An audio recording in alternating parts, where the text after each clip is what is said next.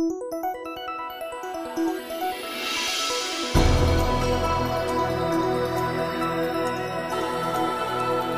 бацхан өрхөм сонсогчдоо Eagle Radio 91.1-ийн радио жиргэн нэвтрүүлгийн за 5 гарагийн дугаар ихэм сонсогч та бүхэнд хүргэтүүлэн боллоо. Тэгэхээр өнөөдрийн нэвтрүүлгийг төгсөө үтээр чадан ядан бас Твиттерт өрнөж байгаа мэдээлэлээс онцлон хүргэх болно. За чадан ядан гэдгийн утга агуулгыг бол жижигхэн зүйлээр тайлбарлая. Тодруулж хэлэх юм бол энэ Твиттерийн орчин жиргэж байгаа маш олон мянган жиргээчд байдаг. Эдгээр жиргээчдийн оруулж ирж байгаа за тодорхой сэтгэлүүд маань бүгд л нэг хувь хүний үжил бодол нийгэмд өгч байгаа үнэлгээ болж байгаа үйл явдлууд байгаад идэг. За тэгэхээр үйл явдлуудаас за яг нөгөө нэг голыг нь олох биз гэдгийг нь бас онцлож одоо та бүхэндээ ялгаж шүүрдэж өгөхийг бас зорж байгаа шүү гэдгийг бас бодоорой гэж. Хоёр их юм бол манай радио жиргэн нэвтрүүлгийг байн сонсдог. За ингээд санал сэтгэлдээ бидэнтэй байн хуваалцдаг эрхэм сонсогч та бүхэндээ маш их баярлалаа. Тэгээд Eagle News гэсэн вебсайт руу хандаад за бидний нэвтрүүлгийг сонсоод за ингээд өөрсдийн сэтгэлээ илэрхийлж байгаа маш олон сонсогч нартаа баярлалаа. За ман сэтгэлээ илэрхийлж чадахгүй байгаа ч гэсэн өдрүүлэлтний за 17 цаг 30 минутаас автомашина жолооныхаа ард суугаад явж байхдаа ингээд 91.1 радиогоо тааруулаад цуг байдаг эрхэм сонсогч та бүхэндээ юуны юм нэвтрүүлэг эхлэх юм бас баярлаа гэж хэлэх зүг баха. Төвжирж байгаа цаг үе чинь цаг үеийн мэдээг жиргээг бид хоёр аль болох хүргэхийг зорих болно. За За эхний мэдээ засгийн газрын хэвлэлийн албаны дарга нөхөр жиргсэн байгаа. Ямар зүйлийг жиргсэн бэ гэхээр 3 сарын 9-ний өдөр нийслэлд 9470 иргэнийг вакцинд хамрууллаа. Маргааш буюу 3 сарын 10-ны өдрөөс эхлэн вакцины цэгүүдийн тоог 2 дахин нэмж 85 цэг ажилуулахаар ариутгал халдваргүйтлэг хийжээ. Дүүрэг бүрт 10-аас 15 цэгт вакциныг хийнэ. Энэ бол гоё мэдээ. Өөрөөр хэлэх юм бол бид чинь вакцинжуулалтын ажлыг хурцсагъя төрөвчлээ гэдэг асуудлыг ярьж ирсэн. 7 сарын 1 буюу 6 сарын 30 хүртэлх хугацаанд нийт хүн амынхаа 60% вакцинжуулахын тулд хоногтой буюу өдөртөө за 15 мянга хамгийн багтаа мянган хүнийг за 15 мянган хүнийг вакцинжуулах шаардлагатай гэсэн бол энэ зорилт руу бас орж ирж байна. Мэдээч хэрэг 7 сарын 1-ээс өмнө амжидаггүй маа гэхэд ядаж 50%-ийг нь одоо магадгүй хоногтой 9 10 мянгаар одоо вакцин хийгээд байгаа тохиолдолд тий энэ зорилтондоо хүрэх юм байна. 35 цэгээр 9 мянган хүнд хийж байгаа юм чинь за 85 цэгээр бол үндсэндээ нэг 15-аас 16 мянган иргэндээ бол үндсэндээ вакцинжуултыг хийчих хаа гэж найдаж байна тийм үү. Энэ тоог бодоод үзэлт одоо өмнө бид нөгөө хоногт 1360 хүн хийж яхад аа үлдсэн хүмүүсүүдийг нь бүрэн ингээ вакцинжуулахын тулд 2 сая орчим хүнийг ямар хугацаа шаардлагадах вэ? Гэхлээр 4 жил шаардлагатай гэж хэлсэн. Тэгэхээр энийг одоо дунджаар бол 7 дахин нэмчихлээр бид нар бол энэ 7 сард бол ер нь энэ янзаараа явах юм бол өнөөдөр өчигдрийн тоог гэхэд ер нь өнөөдрөөс эхлээд 2 дахин нэмэгдүүлэх зорилт тавьсан ажиллаж шít. Тэгэхээр бас 100 гэхэд бол ер нь вакцинда хамрагдах нэ. А энэ вакцинтай холбоотойгоо нөгөө энэ вакциныг төрөлсөхтэй холбоотой бас хувийн агуулгууд хөвчлийнхэн вакцин орж ирнэ гэж хэлсэн. Энэ дээр өдрөөс эхлээд бас нэг маргаантай асуудал өнөөдөр ч гэсэн өрнөж байна. Тэр нь юу вэ гэхээр нөгөө хувийн хвшлүүдэд зөвшөөрөл олгоогүй байна гэсэн жиргэнүүд их гараад байсан. Гэтэл яг саяны засгийн газрын хэвлэмтээлийн албаны дараа ган зөрг болох төр жиргсэн. Вакцины зөвшөөрлийг бол өгсөө. Монс энэ сард 65 мянган тонн Астра Зенека вакцин оруулж ирэх тухайгаа сүүлд уулзахдаа хэлсэн. Цааш оруулж ирнэ гэд. Тэгсэн чинь Монсын гэгддэг энэ Эрдэнэ чимэг боосон. Боосон тийм. За уучлаарай Монс зөвшөөрлөө аваагүй байгаа. Та нар зөвшөөрөл өгсөн гэхээ эрүүл мэндийн яамнаас юм юм шаардсан. Одоо болтол өгөөгүй байна гэж иргсэн. Гэтэл хамгийн сүүлийнх нь болохоор им импис ачуур өмнө зөвшөөрөл авсан. Монсын хувьд бичиг баримт нь одоо бүрдсэн өнөөдөр зөвхөн өнөөдөр гэдэг нь өчигдөр шүү. 3 сарын 9-ний зориулж дахин хүний имийг зөвлөл хурдж зөвшөөрөл өгөх гэж байна гэдэг. Тэгсэн. Мэдээж хэрэг нөө шатараатай үйл ажиллагаанд явагдах энэ бичиг бол хурдан амархан тийм ээ. А гэхдээ мэдээж хэрэг мэрэгжлийн байгууллагууд эн чинь нөгөө талдаа хүний эрүүл мэнд амь настай холбоотой ийм асуудлууд байгаа учраас үнэхээр та нар вакцин оруулж ирэх гэж байгаа бол тийм ийм ийм ийм ийм нөхцлүүдийг шаардлагуудыг хангасан байхаа гэдэг энэ асуудлууд бас тавигддаг учраас тийм хамгийн гол юм бол энэ нөө зөөвөлтийн асуудал байгаа тийм хадгалалт хамгаалалт гэдэг юм байгаа шүү дээ. За вакцинтай холбоотой бас зарим мэдээлэл үргэлжлүүлэн хүргэе. Олон улсад жишээлбэл ямар асуудал шийдэгдэж байна гэхээр Израиль улс за ингээд хөл хориогоо бүрэн цуцлсан. Өөрөөр бол хүн амынхаа за 90 орчим хувийг бол вакцинжуулалтанд хамруулж дууссан учраас тийм ээ яг зорилтондоо хүрчихсэн. Ийм байгаа учраас одоо ингээд хөл хориогоо цуцалж байна гэдэг аль бисаар зарласан. За тэгвэл хятад улс дэлхийд хамгийн анхны буюу өөрөөр хэлэх юм бол вакцины паспортыг одоо үйл ажиллагаанд нэвтрүүллээ гэдэг ийм мэдээлэл. Өөрөөр хэлэх юм бол хятад улсын иргэд гадагшаа зорчихын тулд за ингээд нөгөө нэг цахим вакцины хамрагдсан гэсэн паспортоо үзүүлээд явдаг байх. Энэ одоо юу гэдэг аль бисур технологи аль бисур нэвтрүүллээ гэдэг зарлж байна. Тэр нэг хөгжилтэй орнууд буюу өөрөөр хэлэх юм бол эдийн засгаа дэмжих бодлогыг аль орон сайн барьж байгааг эндээс харагдаж байна. Израиль бол мэдээч хэрэг оюун санааны хувьд бол түүчэлэгч гэж яригддаг хүндрэлтний дүгэндэж энэ бол маш тодор бичигдсэн байдаг. Энэ чагуулгаараа За өөрсдийнх нь бядтай, бяртай асуудлаараа энэ вакцинжуулалтаар тэргүүлж байна тийм үү? А тэгвэл хятад улс вакцинжуулалтаа тэр бом гараа хүндээ хийж одоо юу гэдэг богино хугацаанд амжихгүй учраас ямар ч байсан хийгээд эхэлсэн ихний хүмүүсээ бол эдийн засгийн эргэлтэнд оруулж эхэлж байна гэж эндээс харж болохоор өөрөөр хэлбэл тухайн хүмүүс нь гадагшаа дотгошоо явж тий ингэж худалдаа үйлчлэгээ явуулнаа гэж. За тэгсэн чинь гадаадад өрнөж байгаа бас үйл явдалтай холбоотойгоор Бабиро бат жиргсэн байгаа. Аялагч Цэл залуухан маш эрүүл аялагч спортоор шаргуу хичээлдэг Йордонд маш их тусалсан найз маань ковидоор өвчлөөд 2-7 хоног тэмцсэний эцэст тэнгэрт ившжээ. Итгэж чадахгүй байна. Удахгүй ойрогт оронтоор хамт аялах төлөвлөгөөтэй байсан юм а. Ковид тоглоом биш байна шүү гэд. Энийг бодох хэрэгтэй байгаа. Тэгэхээр манайхан яг сүүлийн үед нэг ийм хандлага гараад ирчихсэн. PCR-ын шинжилгээг өгчөөр өө би өвчин тусаагүй байна тий. Гэдгийг мэдчихээд тусахгүй юм байна ч гэдэг юм иймэрхүү ойлголттой болчихсон. Энд чинь шинжилгээ өгөх хүртэлх хугацаанд та ямарваа нэгэн байдлаар халтар аваагүй шүү гэдгийг маш сайн ойлгох хэрэгтэй. Ингээд одоо гэдэг PCR шинжилгээ өгчөд өө биений цөрөг гарсан гэж хаа хамаагүй дахиад ээж болохгүй нь шүү тийм үү? Тэндээсээ гараад магадгүй хариу гартлах хугацаанд юм уу бусдад харьцаад халдвар авах эрсдэлтэй байгаа учраас нөгөө нэг яриад байгаа халдвар хамгааллын дэглэм гэдгээ сайн баримтлаарай. Одоо эрүүл мэндийн байгууллагын бол зөвлөсөн байсан шүү дээ. Эхний тун одоо ингээ хийлэхэд хүний биед нэг 60 орчим хувийн дархлаа тогтноо гэж үзэж байгаа. За ингээд 21 хоног 28 хоногийн дараа 2 дахь тунг хийлгэн тийм үү? Тухайн вакцинаас хамаарат. Ингээд 92-оос 95 хүртэлх хувийн дархлаа тогтож суунаа. Тэгэхээр вакцин хийлгчлээгээд бүгдөө юу гэдэг ихний тунг хийлгэсэн хүмүүс маань маскыг тайлах үзэгдэл бас гарах гээд байна. Үгүй шүү гэж.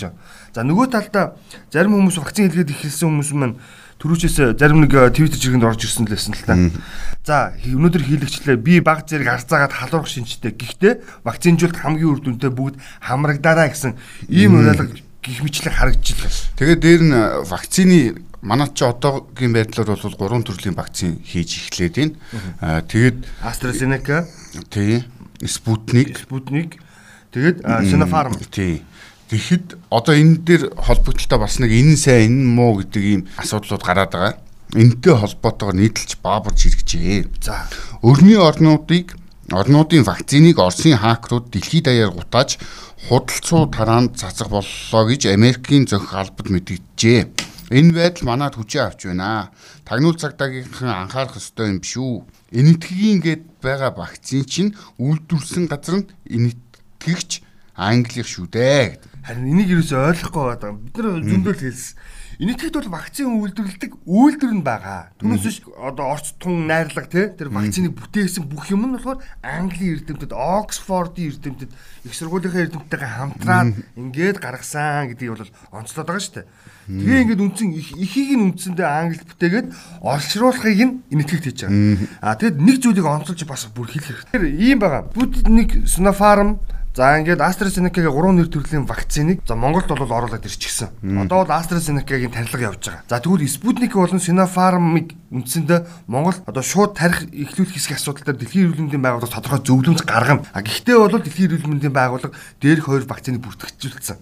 За энэ бол тодорхой хэмжээнд болох юм байна гэдэг агуулгатай мэдээлэл хийцэн. За ингээд аваад үзэхээр манайхны дунд хятад вакцин муу тий Орос вакцин сайн гэдэг нөө нэг ханддаг хандлагаараа юмд хандаад байгаа байхгүй. Энэ бишээ. Өөрөөр хэлэх юм бол Sinopharm-ч тэр AstraZeneca-ч тэр Sputnik V-ч тэр ер нь манад оруулж ирж байгаа буюу энэ чинь 10 10 нэр төрлийн вакцинууд дэлхийн улс орнууд хэрэгжилж байгаа. Гэтэл энэ энэ гурыг яагаад монголчууд сонгосон бэ буюу Монголд оруулж ирэх болсон бэ гэдэг нь хоёрхан шат зүйлээ. Нэг нь хандивлагч орных, нөгөөдг нь манайх Дэлхийн эрүүл мэндийн байгууллагын COVAX хөтөлбөрт багтсан учраас тэр COVAX хөтөлбөрийн хүрээнд хүлээн зөвшөөрсөн вакцинуудыг их орондоо авч байгаамаа.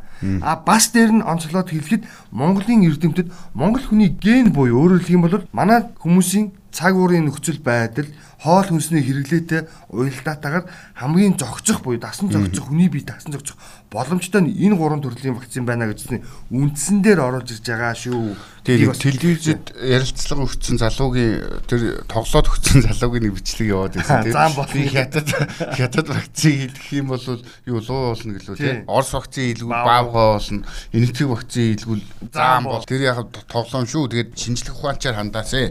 Өөр нэг сайхан мэдээ гэвэл энэ news агентлаг жиргсэн байна. Дарханд цэцэрлэг сургуулаа танхимын хичээлийг нээсэн. Good гэж. Энэ бол хамгийн сайхан мэдээ. Одоо ялангуяа жил гарамттай баг 2 жил шахуу хоригдсон байгаа энэ хүүхдүүд маань бол нэг газар ч гэсэн танхимын сургалтанд орж ийн гэдэг бол маш зүвтэй. Тэгээ энэ хичээлийн хоцрогдол энэ төр ер нь энэ тал руугаа ч гэсэн явнаа гэдэг боловсролын сайд ер нь хилээд байгаа нийслэлийн хэмжээнд ихний ээлжийн вакцинжуулалтандаа сайн оруулаад эх 7 хоногоос боловсролын салбарынхныг вакцинжуулаад ирэх юм байна. Маргаашнаас. Маргаашнаас тий. Өнөөдөр чинь юу орж байгаа байхгүй худалдаа өгөхтгийн салбарыг орж байгаа. Маргаашнаас буюу өөрөөр хэлбэл 11-ний өдрөөс боловсролын салбарынхныг нөгөө нэг 8 дугаар байранд байсан шүү дээ нөгөө нэг англиараа урагшин татаад 11-ээс эхлээд боловсролын салбарынхныг хамруулахар болсон. Ойлгосноо уу? За ойлголоо. За тэгээд ер нь улсын онцгой комиссаас бол яг энэ вакцинжуул за анги техникийн хичээлтэй холбоотойгоор ер нь орон нутгуудыг өөрсдөө нөхцөл байдлаа үнэлээд шийдвэрээ гаргаад явах гэдэг чиглэл өгсөн бэл. Түүнээс бүх хэмжээ засгийн газар одоо хаана нэн гэдэг асуудлаараа хандахгүй тий. Тухайн бүс нутгууд маань өөр өөрсдийн онцлогтой буюу за халдварын үнэлгээ нь өөр өөр байгаа учраас бүгдийг Улаанбаатарын жигээр авч үзэж болохгүй магадгүй өдөө орон нутгийн Сүхбаатар аймаг ч гэдэг юм уу, Дорнот аймаг, Увс аймаг, Баян Үлгийн аймаг ч гэдэг юм. Ингээд хов зэрэг аймагуд бол өөрөө өөрсдийнхөө нөхцөл байдалтай үнэлгээ хийгээд ингээд анги тангимын сургалтаа эхлүүлэх, худалдаа үйлчлэгээ хэвийн болгох ч гэдэг юм уу те. Энэ ажлуудаа зохион байгуулна гэдэг ийм чиглэлийг өгч явж байгаа юм бэл. За, надад ийм жиргээ байна. Хот дангаас өргийн жиргээ. За. Хүмүүс шинэ үе, залуу үе хоёрыг ялгахгүй нь их байна.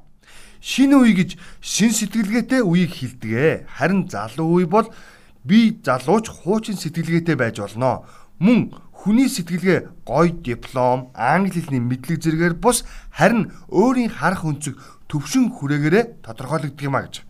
Энэ жиргэг яагаад онцлоод байгаа вэ гэхээр сүүлийн үед энэ шинэ үе төрөн гарлаа, залуу үе төрөн гарлаа гэдгийг нэг агуулгаар хэрэгжилж байгаа. Тэгэхээр энийгээ бид нар ялах хэрэгтэй байна. Шинэ үе гэдэг бол шин сэтгэлгээтэй. Магадгүй нөгөө нэг IT чиглэлээр ч гэдэг юм уу гадаадад одоо юу гэдгийг янз бүрийн мундаг мундаг том том фирм компаниуд технологийн компаниуд болж байгаа монгол залуучуудыг бол шинэ үе гэж хэлж болохоор тийм үү а залуу үе гэдэг нь болохоор нэг албан тушаалаар томилогдож байгаа хүмүүс хөгшин хүнийг солиод залуу хүнийг тавьж байгаа бол энэ бол залуу. Гэхдээ сэтгэлгээний хувьд буюу нийт массаар наваад үзэх юм бол хөгшин буюу хуучин сэтгэлгээ явж байгаа шүү гэдгийг сануулсан ийм жиргээ байна. Тэгсэн чинь энэ дээр бас уялдаж болох нэг жиргээ арталт нь байгаа. Батчаагалгийн аягнаас жиргсэн. Японд Мэйжигийн шинэтгэл нь улс орныг бүрэн өөрчлөх суурь тавигдсан бол Орос улсын хувьд Питер 1-р хааны засаглалын үед томоохон өсрэлт хийсэн байдаг. Манай улсын оргил өсрэлт нь аль үеийн болоо 13 дугаар 100 уу гэсэн юм. 13 дугаар 100-аас хойш өсрэлтийн үе буюу оргил үе манад байсан үгүй юу гэдгийг одоо хүмүүс маргадаг юм байна л та. Энэ жиргэний дор юу орж ирсэн гэхээр тэр дангаас өрн за энэ бачрал хоёрын жиргэний доор нийлүүлээд ямар дүр зураг гарч ирж ийн вэ гэхээр ерөөсөө манайх аль ч үеэр тодорхойлж чадахгүй байна. Нэг түрүүний хэлжсэн залуу шинэ хоёроо ялгаж чадахгүй байгаа. Хоёрт өсрэлтийн үеэ бид хүлээсэн хүмүүс хэвээрээ байгаа гэдэг ийм дүр зураг гарч. Тэгэнгүүт нөгөө нэг хуучин нийгмээ бид нар яагаад үүсгэж байгаа юм бэ? бид нар хаан засгийг солиглоод одоо парламентын засаг руу шилжсэн ч гэдэг юм үү те эн чинь ингээд үгүй эн чинь нөгөө нэг сэтгэлийн хэвээрээ байгаа хаад ноёдыг дарга цэрэг гэдэг нэршлиг сольсон гэдэг хичлэн хувилбаруудыг бичсэн байл нөө гүмлёвийн онлоор онл гэдэг байгаа шүү дээ оргиллын онл гэдэг тэргээр бол өнөөдрийн байдлаар бол энэ дэлхийн улс орнууд ингээ хүчирхэж гарч ирд тодорхой цикл байдаг. Тэгээ тэр э, үзэл санаа одоо энэ яг шинэ үе дээр очдөг байх нь шүү дээ. Нэгэн зүгт бүгдээр харж яддаг. Аа тэгээд тэр үзэл санаа унахлаар бууран дараатдаг. Өнөөдрийн байдлаар бол дэлхийн улс орнуудаас бол энэ ялтчгүй манай өмнөд хөрш ориглолын үедээ явж байгаа улс юм болов уу хармаар. Манай байдал бол ямар вэ гэдгийг арай удаан байна. Цэнгүн гэдэг хүн жирэгчжээ. За, юу гэж юм? Юу жиргсэн бэ гэхлээр та ойлгохгүй байна. Энэ бол ажлын байр бий болгох хөтөлбөр гэсэн хариулт авсан Фридман нөгөө сэтгэгчтэй. Би та нарын сувг барих гэж байгаа юм байх л гэж бодсон. Хэрвээ ажлын байрыг нэмэгдүүлэх байсан юм бол үнийг хүрцээр биш халбгаар ухаач гэж хэлсэн гэдэг. Нөө хошин зураг зураг байдаг шүү дээ. Чи булаад би ухаа. Хоёлоо халбгаар ухах уу гэдэг тий. Тийм тэрний шиг л ийм байдалтай байгаад байна гэд бид нэр жоохон бас нэг урагшаар одоо нэг хоб бацах маягтай ажлын байр хийж ийн гэж нэг нэгийг нөгөөгөр орлуулсан иймэрхүү байдалтай байгаад байна. Жоохон том байцгаая гэж. Том сэтгэя том харьяа гэж тий? Энэ дэр нэг зүйлийг бас зүгээр онцлоод хэлэхэд манай монголчууд ч нэг тийм яг одоо саний жиргэн шиг том ерөөсө сэтгэж чадахгүй байгааг нэг илэрлэн 7 хоногт заавал шалдар бууралтар нэг хэрүүл гаргаж ирдэг. Тэр нь ахуйн чанартай хэрүүл. Тэрүүгээрээ ингээ нийгэм нь амьсгалдаг. Нэг юм сонин технологиг жишээлбэл бидний удирдагч нар ашиглаад байна гэж. Тий, одоо бас нэг хэрүүл нь явж гин тий. Чигтэр гэхэд тэр нэг 20 сая доллар уу. Тий, тэр гарч ирлээ. Тэрний өмнө чинь ерөөсөө нэг чимгээгийн хэрүүл гарч ирээд дуусаагүй ч залгаад 20 сая доллар хэрүүл гар. За өнөөдөр хэнийг үзээ ядах уу гэхчлээ. Ийм сэтгэлгээ жиргэнүүд жишээлбэл өнөөдөр ингэ явж байгаа жишээтэй. Тэр нь өдөрт ч юм уу 7 хоногтой заавал нэг юм бол. За ингэ хамгийн сүүлийн нэг 5 хоногор нь аваад үзэл. Эхлээд эн чинь нөгөө нэг дуучин дэлгэр мөрөнгөөс эхэлсэн тий. Нэг за тэр тэндээс эхэлснээр тоолоод үзэл та тэр хоёрын ахуй хөрөл яваад За ингээд тэр хоёрын хэрүүлэг чинь зөв буруу гэд хилцчихсэн чинь суулт буянд орж тийм буянд орж ариун хоёрын юу суулт орж ирд. За ингээд тэр хоёрын хэрүүлэг буюу өөрөөр тэр хоёрын асууд бас нийгэм дараа дараагаа явж исэн чинь ерөнхий сайдын нөгөө цэрэг цэрэг орж ирд. Цэрэгт явуулнаа гэдэг тий. За тэгтэл тэр үгийг эсэргүүцээд талбайд жагслаа. За ингээд дараа нь тэгсэн чинь тэгэхэд ерөнхий сайд чимгээ дээр очлоо. За ингээд тэрний дараа тэгсэн чинь 20 сая доллар 20 сая доллар гарч ирлээ. Юусе ингээд буруу дараа тоолоход 20 саяын доллартай зэрэгцээд 2.3 сая доллар шилжүүлсэн гэдэг тэр Америк нэгдсэн улс Цугаяа отхон баяр сайдын бас нэг юм холбоотой нэг юм гарч ирснээс болоод тэр эргүүлэн татах асуудалд хөндөгдлөө. За өнөөдөр болохоор одоо хэнийг үгүй ядхойг асуудал. Энийний дараагийн ингээл нэг юм юмнууд гарч ирээл ингээл явах бах бид нэр. Тэр бид нар ийм ахуйн хэрүүлээрээ биш том сэтгэл зүгээр энэ 20 саяыг онцлоод бодъё л доо тий хэдүүлээ 20 сая доллар ер нь ямар хэмжээний юм байх вэ? Өчтөр Твиттерээс жигэн оргил сэдвийг байсан шүү дээ. Тэгэхэд энэ нөгөө Октябрийн баасан хүү гэдэг улсын хурлын гишүүн байсан хүн жиргсэн байна. Хээ хээ бид гуйлагчин хүмүүс болохоор 20 саяын хэмжээг нэрээ мэдэхгүй л дээ. Гэхдээ 20 20 мянгатын 20 сая 100 төгрөгийн 20 саяын хэмжээг мэдхтэйгээ байлгүй дээ гэд нэг машинд 5 миллион долларын зураг оруулсан байгаа. Тэгээд эндээс зүгээр хараад би хамгийн дээдлийн дэвсгэрт нь 100 доллар гэж бодоход 100 доллар ямар грамтай идвэ гэхлээр 30.6 орчим грамм байд юм байна. За. За энэгээр 20 сая долларыг үржүүлээд ингээд жинлэх юм бол нийтдээ нэг 680 орчим килограмм буюу одоо манайхны тооцоололоор бол нэг хоёр өхөр байгаа ч хэцсэн дайны хэмжээтэй болох юм байна. Уур хэмжээний хувьд бол тэр ч одоо ямар юм болох юм байгаа. Харин тий. Би бас наа чамайг дахиад нөөгүй хэлчихв. 200-ийн пош. Яг 200-ийн пошкины хэмжээтэй ийм л 200 пошк маань гэдэг чинь өндөр нэг метр 20 орчмын өндөртэй байх уу те босгоод авахд. За ингээд диаметрээр нь аваад үзэх юм бол за нэг 60 санттай байх юм уу да. За ингээд радиус тойрог нь бол нэг 60 санттай байдаг ч юм уу. Иймэрхүү ийм 200-ийн пошкны дайтай хэмжээний мөнгө юм байна гэд. Наа мөнгөний чинь хэмжээгээр нь зүгээр өчигдөр хүмүүс хоорондоо яг нэг тоонд сайн эсэх нь буюу өөрөөр хэлбэл физиктэй ч гэдэг үлээ те. Яг нүг тооцоолон бодох чадвартай хүмүүсийг шалгасан л тим жиргэний уралдаан болсон шүү дээ. Тийм. Тэгээ одоо энэний дараагийн ангийг нь бол хөл зүүн сая Нямбатар хилээд өччих шиг боллоо.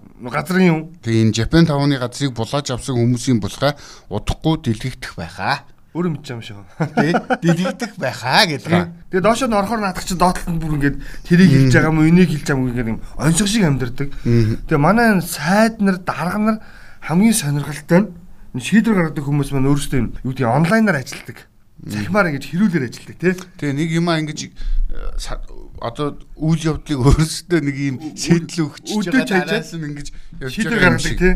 Тийм тэгсэн чинь энэ юм ямар үр дагавартай юунууд яваад байна вэ? Тэ энэ эдгээр ягаад тэгээд ийм юмдаа асуудал хариуцлага хүлээхгүй жирийн юм уу иргэн ганц юм гаргахлаар асуудал босоод идэм бэ гэдэг эднээс ийм юм яриад байгаа хүмүүстэй хариуцлага тооцох заалт байдаг талаар Тэмүүжин хулжуу сайд байсан улсын хурлын гишүүн байсан жиргэжээ. За.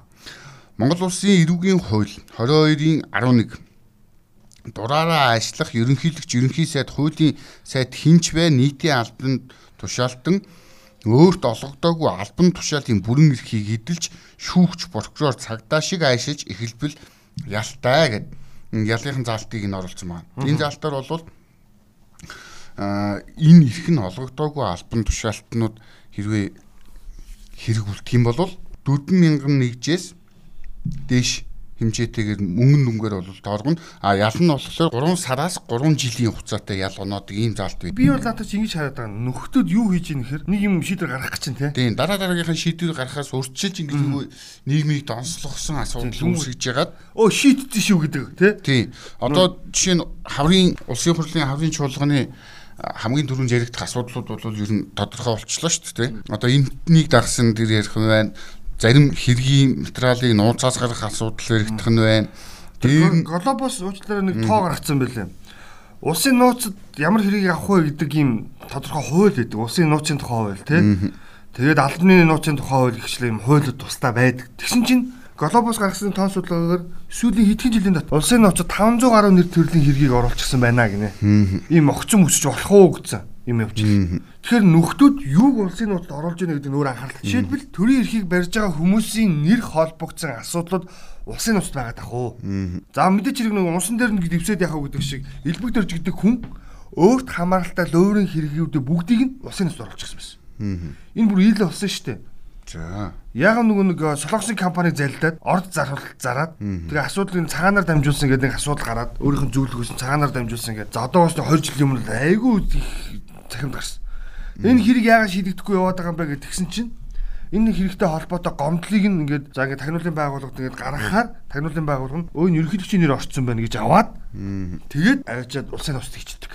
Тэгээ хэрэг шийдэгддэг хамгийн сонирхолтой. Гэтэ улсын нууцыг чинь засгийн газраас тогтоож байгаа шүү дээ.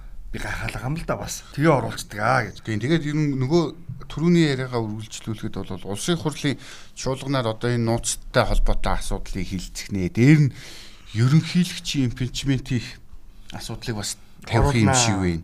Жиргээчд бол тэгж байна. Суурь нь бол бэлдээд байгаа шүү дээ. Одоо үндэсний айлгуулын зөвлөлийн зөвлөлийн нарийн бичгээр ганц үгийн өчигдрийн мэдээлэлтэй холбоотойгоор яалч яахгүй засгийн газрын зүгээс жишээлбэл ганц үхдэг хүний ажлын чиглэлд яасан бэ гэдэг айлгуулын зөвлөлийн гишүүний хуваар ерөөсөд оруулчихсан байж идэг. Гих мэтлийн ерөнхийлөгч шахалт үзүүлж байгаа. Нөгөө талдаа хуулийн өчигдөр ярьсан те чимгээ нарын хүмүүсийг хэргийг цагаатах хэсэг асуудал нь бол бас л ерөнхийлөгч шахалт болж орно гэдэг асуудал яригдчих жаа. Нөгөө талдаа Монгол улсын ерөнхийлөгч буюу улирын нэр дэвших хэсэг асуудал нь үндсэн хуулийн цэцээр бас дахиад л шахалт болж орж байгаа нэг гихчлэн асуудлууд манай ерөнхийлөгч чинь бол одоо бол өөрөө гүйж очдог болчихсон. Өөрөө ил цагт бичээд янз бүрийн байдлаар ханддаг ингээд яваад байдаг. А ингээд тэр хүний хийсэн барьсныг янз бүрээр үнэлж дүгнж байгаа хүмүүс байгаа. Нэг хэсэг нь бол бас чамлахааргүй ажилласан. Сар дахлын үе чиглэлээ гадаад айлчлалууд те гадаад томоохон томоохон стратегийн боيو гадаад түншлэлийн асуудлыг одоо бас шин шатны гаргахад хичээж ажилласан. Гижлийн попрол багтай байсан гэж магтаж байгаа бол нөгөө хэсэг нь бол Үгүй энэ хүн юу ч хийсэнгүй. Майдр хот ирсээрээ дууслаа гэж. Тэгээ ерөөсөө энэ нөгөө хоёр нам дагсан ийм нэг бид нар бас хитрхи их ус төрчснөөс болоод ингээл хоёр талцаа зүгээр хаа хамаагүй хүмүүс харилгын хүмүүсийг өмөрөөл ингээл үзээд байгаа юм л нэг илэрхийл байна л та тий. Дараагийн нэг жиргээ байна. За энэ албан тушаалтангуудтай холбоотой байж болох. Шинэ онгоо маркетер төгсөө гэдэг хаягнаас иргсэн байна. За. Шинэ онгоо банк бус санхүүгийн байгууллага эзэмшдэг төрийн албан хаагчдын тоогоор Монгол банк тэргүүлжээ гэсэн.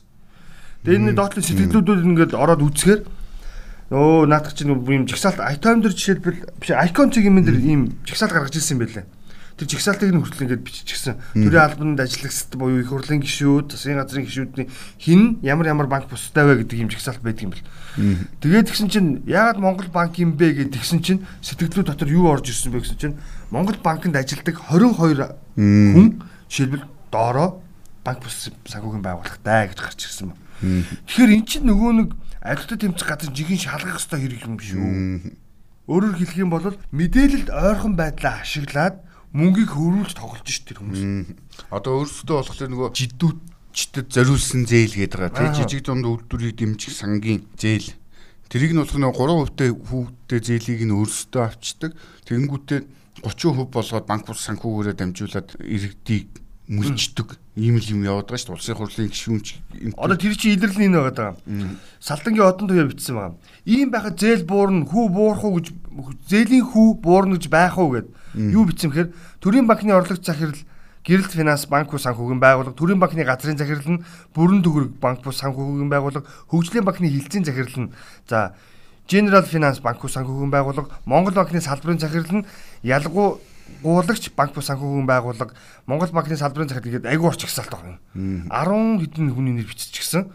За ингээд харахаар их хурлын гишүүд дандаа банкны буюу нөгөө төрийн банк, хөгжлийн банк, Монгол банкны захирлууд нь ингээд дэрэгдээ банк бус санхүүгийн байгууллагт. Тэгээ нөгөө нэг 3% зээл чи ийшээ яваад байгаа байхгүй. Тэгээ жиггэн жидөөчд юм авч чадахгүй наа гэд. Ийм мэдээлэл нь өөрөө ил байгаад хахад айлгтай тэмцэх газар ягаад ашиг сонирхлын зөрчилтэй тий мэдээлэлд ойрхон босод авуу байдал олгосон гихтлэн зүйл заалтуудаа ашиглаад жишээлбэл асуудлыг шийдэж болдгүй юм бэ гэж асуугаад байна. Тий одоо шахалт үзүүлдэг ч юм уу тий олон нийтийг одоо жинхэнэ олон нийтийг л ашигламаар байгаа юм да иймэрхүү юм дээр бол тэгээ хамгийн ичгүүртэй нь манай хууль батлагч нар маань өөрсдөө хуультай өөрчлөлт оруулад иймэрхүү асуудлынхаа ялаас мултарчдаг зүйл залтыг өөрчилж яад те энэ бол жидүүгийн гих хэрэг бол тэгэл ер нь замхарсан шүү дээ хуулийн гаргалгааг нөгөө нэмэлт өөрчлөлт хөөн хилцэх хугацаа антраар зас чаяал тэгэл өнгөрчдөг. Тэгтэл тэгэл ингээл яг хөөх юм уу бор зүрхээрээ яваа нөхдүүд чинь хэцүүдэд байна. Бид нэр тэгэхэд чинь бидний одоо энэ бараа бүтээгдэхүүн авж байгаа нэг олсон хитэн төгрөгөөрөө залгуулж байгаа юм маань амьдралд яаж ийн вэ гэхэд бодит байдал дээр яг энэ Одоо тэрний нэг жишээ чинь лин шүү дээ. Нөгөө нэг их хурлын гишүүн амар төвшин дамдын юм ган хоёрын нарын нөхдүүд тий 33 тэр бомыг хөгжлийн банкаар дамжуулаад авчихсан байгаа гэдэг ийм асуудал. Тий. Тэгэхээр тэр хэрэг дээр чинь нөгөө гişүүд нь болохоор үгүй бид нар чинь тухайн үед гişүүн байгаагүй нэг хоёр гівэл зээл хөөцөлтөд ингээд ингээд ямар нэгэн байдлаар одоо юу гэдгийг нам жирмийн дагуу нам жирмийн дагуу хууль бус үйлдэл ашиглаагүй гэж тайлбарлаад байгаа байхгүй юу. Энэ одоо ариу явдлуу л байхгүй. Тэгсэн мөртлөө өөртөө эргээд тэр хэрэгээ өөр журмаар шалгуулах тэр хэрэгээ буюу тэр зээлээ төлөвлөх хуулийн төсөл санаачлаад банкны тухай хуулийн төсөл яриад байгаа шүү дээ. Одоо 40 сая намрын журмаар хилцээ гаргачлаа Ингээд шийдвүлээ явж байгаа. Ингээд зээл авчи араас нь лоббидж нөгөөдгөө даруулдаг үгүй болгуулдаг нэг юм технологитой болцсон лайн л да. Тийм. Тэгэхэд нөгөө юмны үн аншааж хувирч ийн вэ гэдгийг энд нэг жиргэж хэлсэн байна. Ариэл Монголыг. За. Цэбат IT гэдэг. Энэ хүн юу гэж иргсэн бэ гэхлээр хаасайгүй эрүүл бус ченжийн тогтолцоо үйлчилж байна Намар жаргалантын сангийн аж ахуй төмс шуудайн 17 мянга байхад Улаанбаатарт хэрэглэгчийн гар дээр очихдоо шуудайн 40 мянга болдгох жишээний. Энэ юу хэлээд байна вэ гэхлээр яг хөө тэр тээврийн зардал мартал юм хум орж байгаа мэдээж үнэн. Гэхдээ манайх нэг гой гой супермаркетууд нь ч тэр яг нэг юм ченжийн тогтолцоотой болцсон, ченжийн арга барилтай болцсон. Зүгээр зах дээр барс дээр байж байгаа хятад төмс гой гой супермаркетууд дээр очихлоороо Монгол төмс болоод үн хэд их нэмэгдчихдэг. Тэгээ бидний нөгөө нэг Монгол юмаа хэрэглэх гэсэн эрүүл хүнс хэрэглэх гэсэн үр хүүхдүүдтэй нэг айтайхан хоол хийгээд өчий гэсэн сэтгхүүдээр ингэж дөрөөлдөг нэг юм юм байгаа болвол нөгөө нэг бас нэг амьдралаа залгуулчих юмсын чи юмсын нэг бизнесээ босгочих юмсын гэдэг сэтгхүүдээр нь болохоор улс төрчин дөрөөлөөд нөгөө хямд баг хүүтэй зээлийг нь аваад өндөр хүүтэй биднэрт бизнесийн зээл олгож гин гэдэг гоё нэрээр өгдөг. Тэгэд энэ яг чиний хэлээд байгааг би зүгээр дэмжиэд нэг юм хэлье. Зүгээр энэ ченжин сэтгэлгээ юун дээр ажиллаад байна нөхөр бидний нөгөө нэг орчин худалдаж авдаг нөхцөл төр л ажиллаад байгаа. Монголчууд өнөөдөр яг юу хийж ийнэ нөхөр дандаа орчин худалдаж авдаг. Ажлын байраа худалдаж авдаг. Мөн үү? Орчноо худалдаж авчих штэ үндсэндээ. А зүгээр ажил хайгаа хийгээд явах юм бол баг цалинтай тий одоо ингээд орчин бохир заваач гэдэг юм уу ажлын нөхцөл нь хүнд ийм ажлууд зөндөө тэн дээр хийж очдоггүй Үнэхээр бас туйлдаад тий бас амьдралын төлөө явж байгаа цөөн хэсэг бүлэг хүмүүс тийш очиж ажил хийж байна. А гэтэл ихэнх нь болохоор авилгал өгч танил талаа харж гой байшинд шилэн байшинд тий ингээд одоо үүдийн ширээний ард цуг сонирхолтой болчихсон. Орчныг тэр хүмүүс яаж нэг худалдаж авчихсан. Үр хөвгтөө бид нар яаж ийм тэгэхээр бас л тэгч. За ингээд улсын их тодголтой ерхий боловсролын сургуулиуд руу сургахаар нэг ангид 50 60 хүн хөвгт байхаар миний хөвгт боловсрол эзэмсэж чадахгүй. Миний хөвгт хоцрогдноо. Миний хөвгт мэдлэгтэй хүн болж чадахгүй. Хүүхдийнхээ дайчлах сэтгэлгээнд нь бид нар өөрсдөө саад игээд байгаа юм. Тэгэнгүүтээ хувийн хөгжлийн сургууль буюу нөгөө нэг шүүмжлэгдээд байгаа өндөр төлбөртэй сургуулиуд руугаа авч өгдөг. Хөдөлж өөрсдөө авч өгдөг шүү дээ. Хүүхдүүд сурыг ээгүй. Тэгчээд дараа нь сургуулийн төлбөр өндөр байна те. Нэг хоёр гэх юм бол ваа энэ нэр энэ өндөр төлбөртэй сургууль хувьсах зардал гэж юу яриад байгаа дараа дараа гээ. Энэ бас бидний нэг орчин хөдөлж авч байгаа бас сэтгэлгээ. Дараагийнх нь яг саний хэлдэг дэлгүүрүүд. Би яг энэ бааш зах дээр бөөний төв дээр байж байгаа бараа бүтээгдэхүүнийг хотын гэр хорооллын дэлгүүрүүдээс очих юм бол бааш захын үнээс за нэг 50-аас 100 төгрөгийн нэмийн өртгөөр хотлож авна тийм үү? Тэр бол тээврийн зардал байгаа. Гэтэл би тэрийг энэ юу гэдэг зайсан орчимч гэдэг юм уу? Эсвэл энэ байшин хорооллын дундах супермаркетрууд руу ороод худалдаа авах юм бол 500-аас 800 төгрөгийн нэмийн өртгөөр хотлож авна. Яаж юм нэхэр зарагдж байгаа орчин нь өөр Мөн үү? Тийм л манайх нэг ийм инээдтэй сэтгхүү бид нарт бас байгаа юм аа. Динжи мянган зах дээр очиод ямар балиар газар вэ гэж аваад байдаг цэвэрхэн ах байд юм аа нөө доотлын дэлгүүрээс аваад байдаг. Гэтэл тэр доод дэлгүүр хаанаас авчирч ийн вэ гэхлээр нөгөө динжи мянгаас юм авчираад жоохон баглаа бодлын янзлаад сайхан цэвэрлээд жоохон ажиллаад тий уутанд хийгээл ингээл ингээл хэрчээл хэрчээл тавьчихгууд гоё гээд ингээд идэг. Яг үнэндээ бол яг ижлэхийн юм өндөр үнээр аваад байна гэдэг юм. Бид нар нэг юм орчны худалдаа авалт гэдэг дээр ченжин сэтгэлгээ ажиллаад байгаа шүү гэдгийг бас ярих хэрэгтэй. Тэгэхээр сонсогчд маань бас өөрсдөө бодолтой тий орчныг бид нар яаж худалдаж авах вэ? Эсвэл орчин худалдаж авах уу? Эсвэл өөрөө хөдөлмөрлөх үү гэдгээ бас тий бас ялгаж салгаад ойлгочих юм бол тэр зааг ялгааг бий болгоод байгаа энэ хүн суртлууд энэ улс төрчнөр энэ сонгогдсон гişүүдтэй болвол трийг л арилгахын төлөө тэмцэх хэрэгтэй юм шиг байна тий асуудлаа шийдвүрэх биш асуудлыг зүгээр амьдрах боломжийг нь олгохыг л эднээс уг үсмээр байгаа байхгүй.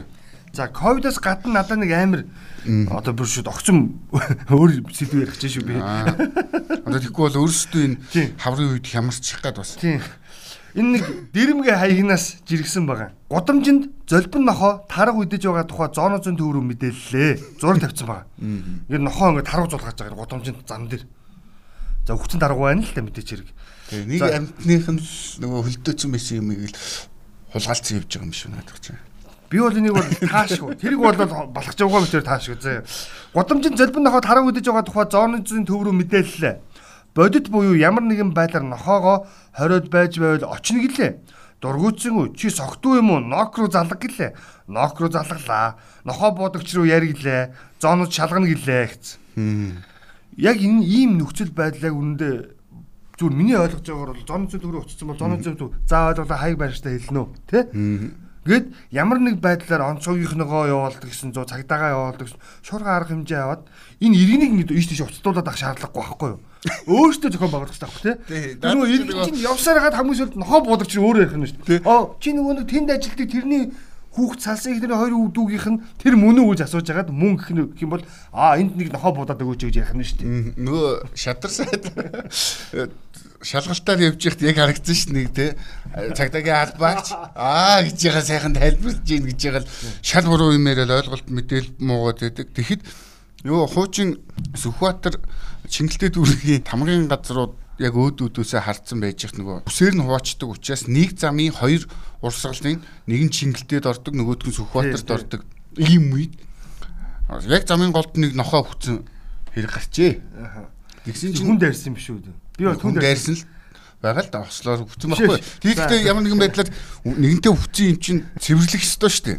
Түүхээ ажилчид маргалцсан байна. Манай газар танай газар да да да да гэх ингээд дээшээ шатаа ихэж хэрүүл явсаар явсаар явсаар байгаад хоёр засаг даргын хэмжээнд очиод тэгээ хоёр засаг дарга асуудлыг шийдэх гэж гарч ирээд нэгэн жоохон ахмад настай хүн залтай. Толгойн толгойн газ өшөглөөд чингэлтэй рүү гаргацсан байгаа. Тэгэнгүүтээ Монгол хүн чинь толгоогоо шийддэг юм а толгойн танаа талтай танах зөвл. Өглөө ингээл тэрийг зүгээр харсан хоёр түүхийн ажилт нэг нь аваад явцсан бол асуудал. асуудал ихгүйгээр бид нар нэг ийм л тэгээд би энийг зүгээр яг яагаад хэлэх гээд байна гэхээр бас нэг талаасаа энэ иргэнийгээ ингэтэл бити бас бухимдуулаач гэж хэлэх гээд. Нөгөө талаа Тарганы энэ э, мах өөрөөр хэлбэл золбин нохоо идээд байж гинэ гэдэг чинь нөгөө талд эрсдэл байгаа шүү дээ. Тэгээ нөгөө Тарган давхал гэдэг юм чинь энэ ковидоос амар ихгүй.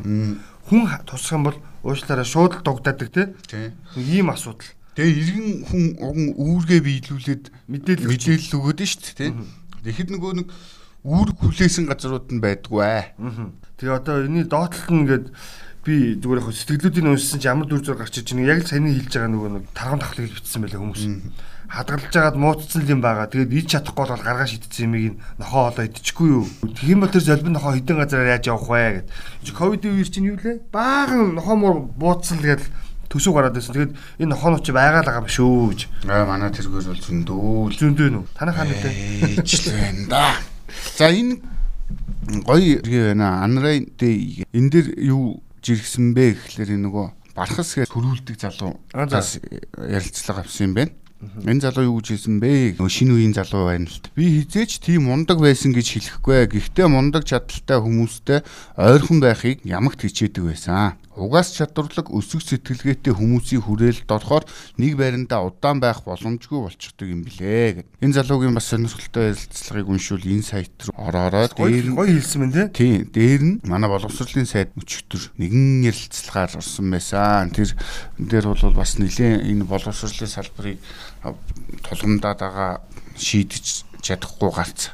Хайж исэн Викторийн түрүүний яриад байсан асуудлуудын талаар өөрийнхөө байр суурийг илэрхийлсэн байлээ. Аа. За тэгээд найруулагч маань догч ин. Дохиорыг хүлээн авлаа. Тэгэхдээ нэг жиргэн уншина. Ир жаргалмаагийн хаягна. Эвтэй бол хүчтэй гэж их өргөн утгатай үгэ. Улсын тусгаар тогтнолын голцсон болсон иргэдийнхээ төлөө эвийг хичээж хувийн буюу бүлгийн амбицаа хойш тавил саньсан гэсэн. Энэ жиргээр бас өнөөдрийнхөө нэвтрүүлгийг өндөрлүүлье. Тэгээд бас иргэдийнхэн төлөө дуурдаг иргэндээ хайртай төртэй байцгаая гэж. Тэгээд дараагийн дугаараараа уулзтлаа. Тэр баярлаа. За итгэж болох экссурулж. Игэл радио 91.1